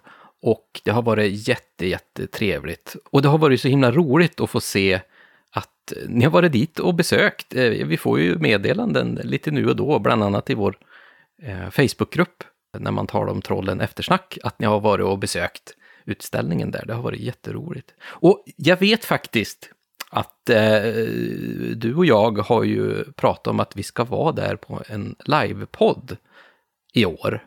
Men tyvärr så är det ju så att eh, våra liv kommer emellan ibland. eh, så att vi tyvärr måste ställa in just den livepodden som vi hade tänkt att ha i Deje i år. Men vi har ju några andra den här hösten. Och den första, den har vi ju den 28 oktober. Då ska vi vara på Östergötlands museum i Linköping. Precis, och det ska bli superkul. Det finns jättemycket folklor från Östergötland som uh, nu har anledning och uh, verkligen bre ut oss över och prata om. Uh, jag har ju själv ett starka minnen. När jag var doktorand i religionshistoria så gjorde vi några utflykter. Mm väldigt, väldigt få faktiskt, måste jag säga. Men en av dem var till uh, Röksocken då. Och eh, vi besökte självklart Rökstenen. Men vi var också vid Ellen Key strand. Och eh, för att en kollega då var föreståndare där, så att vi fick gå runt. Men också i samband med detta gjorde vi en liten promenad upp för Omberg. Och Omberg, som ni vet, är ju jättekänd för drottning Omma. Så det finns också ett samlat material som kommer läggas ut på Östergötlands museums hemsida som är samlade berättelser om drottning Omma, någonting som vi också kommer prata om i det här föredraget. Mm. Men det är så starkt, starkt minne av att bara gå på det här berget, och, eller ja, berg och berg, men det är, det är en bit upp, liten bit upp att gå och sen så finns det en gässa högt upp och sen finns det en, eh, en liksom, ska man säga, häll neråt där det finns gavelport, gavelsport rödgavel, rödgavelsport. Och här, i den här grottan som man också kan eh, åka in med kanot i, så där inne sägs det bo jätte, rödgavelsjätten. Ja, ni ser ju, det, är, det kommer att finnas så himla mycket roligt att berätta om. Och jag hoppas verkligen att vi kan få träffas där på Östergötlands museum den 28 oktober. Jag kan säga som så här, det, det, tid är 28 oktober klockan 13.00 och kostar ingenting och krävs ingen föranmälan. Då finns det ingen anledning att vi inte ska få träffa er. Det hoppas jag verkligen. Jag var till eh, Linköpings Jag var till Östergötlands museum i somras och det var jättetrevligt. De har en ny eh, utställning där också som är jättefin förresten. Deras basutställning. Och sen har vi en till live-framträdande, ganska kort därpå. Jo, men då ska vi ju faktiskt komma till Stockholm, till huvudstaden. Vi kommer att vara på ett av mina favoritmuseum i Stockholm. Vi ska vara på Historiska museet den första november. Mm. Det ska väl bli kul? Det kommer vara en kväll om magiska föremål och folktro. Så vi kommer prata delvis med saker som finns i Historiska museets samlingar. Och det här kommer vara 1 november klockan 18 till 19. Så missa inte detta. Där ser ni, ni kan eh, redan nu sätta in i era kalendrar så vet ni att ni ska eh, komma och titta. För vi vill jättegärna träffa er, det är så himla roligt. Och så måste jag, innan vi avslutar här, så bara en sak som många frågar faktiskt om när man är ute och ser också folk som skriver, är att kommer, kan inte komma hit eller dit, alltså runt om i landet. Eh, vi har ju varit runt en del i landet. Vi gör ju ingen skillnad på landskap, vi åker lika gärna till väst som öst, som norr till söder. Men för att vi ska komma till en plats så krävs det att någon bokar in oss. Och museer är ju bra, så att tjata på era museer eller andra eh, institutioner som kan ta emot oss, så kanske vi kommer just till er bygd också.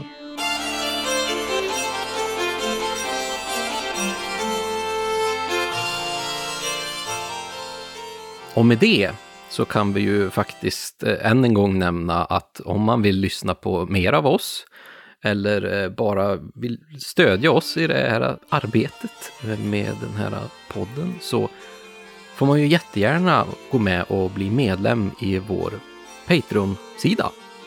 Där vi varje månad lägger ut otroligt härliga avsnitt om folktro. Vi har ju, jag vet inte hur många avsnitt vi har nu i vår fornordisk mytologiserie som vi har, har väldigt roligt i hela tiden. Ja, det, det har blivit väldigt mycket då. För att vi, vi, släppte ju ett gratisavsnitt, ett prov, provavsnitt här på. Ja. Eh, som handlar om, om Loke som var ett tidigt avsnitt vi gjorde där. Men jag, jag, jag kollar nu för att nyligen så har Patreon gjort så att man kan koppla ihop med sitt Spotify-konto så man kan se alla avsnitt. De är inte numrerade, så att, men det är många, det är ett 20-tal bara fornnordisk eh, mytologi och sen är det ju hela världens folktro som också börjar växa på plus alla andra bonusavsnitt vi har släppt där. Och just nu så håller vi på, i dagarna nu så ska vi, vi har ju precis släppt ett, ett bonus-bonusavsnitt med Rankel Fröskodes saga som Eva har läst in, hela sagan. Dessförinnan, bara någon veckan innan, så släppte vi ett avsnitt om Trymskvida, den kvällen som Trym då, en Edda-dikt som vi pratar om i Världens folktro så ska vi snart spela in ett avsnitt som kommer handla om ett tyskt väsen. Det, det kommer att bli jäkligt spännande där. Det är så roligt när vi får gå ut i världen och verkligen undersöka de här olika andra väsen och traditionerna som finns. Och som sagt, tack vare eh, våra underbara medlemmar faktiskt, som vi får möjlighet att göra det. Men hörru du Tommy, då får jag tacka dig så mycket vi kanske förresten så här eh, avslutande också ska säga att om man vill följa oss, förutom att lyssna på oss, eh, så kan man få göra det. Eh, vi är utomhus på dagarna, så att ser ni någon av oss så kan ni följa efter. Vill man inte göra det eller ha råd att eh, resa runt i landet och jaga rätt på oss, så kan ni få följa oss digitalt på våra sociala medier. Där vi heter Oknytt Sverige både på Facebook och Instagram. Och Tommy kan man också följa. Rent eh, personligt har jag på att säga, på ditt Instagramkonto eh, som heter Suttungsbrew. Och så har vi såklart den här underbara Facebookgruppen när man talar om trollen efter snack. Och jag kommer att lägga ut lite roliga grejer där eh, framöver också, ganska snart. Eh, vi får se vad det blir. Mm. Men Tommy, då får jag tacka så mycket för den här gången. Och trevlig helg på dig Lars. Nu är det den 15 september så att nu ska vi faktiskt, och det är fredag eftermiddag så nu är det faktiskt helg. Det är verkligen helg.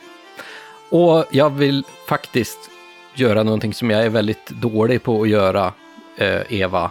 Du lyssnar på oss eh, och du läser in våra texter hela tiden. Tack så hemskt mycket för att du läser in de här underbara texterna. Och jag vet att ni lyssnare också älskar och lyssna på Evas underbara röst. Ja, tack Eva.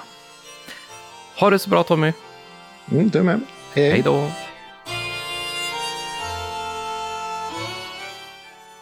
Podden är producerad av Oknytt, Nordisk folktro och mytologi och intromusiken är komponerad av Mark Jungerman.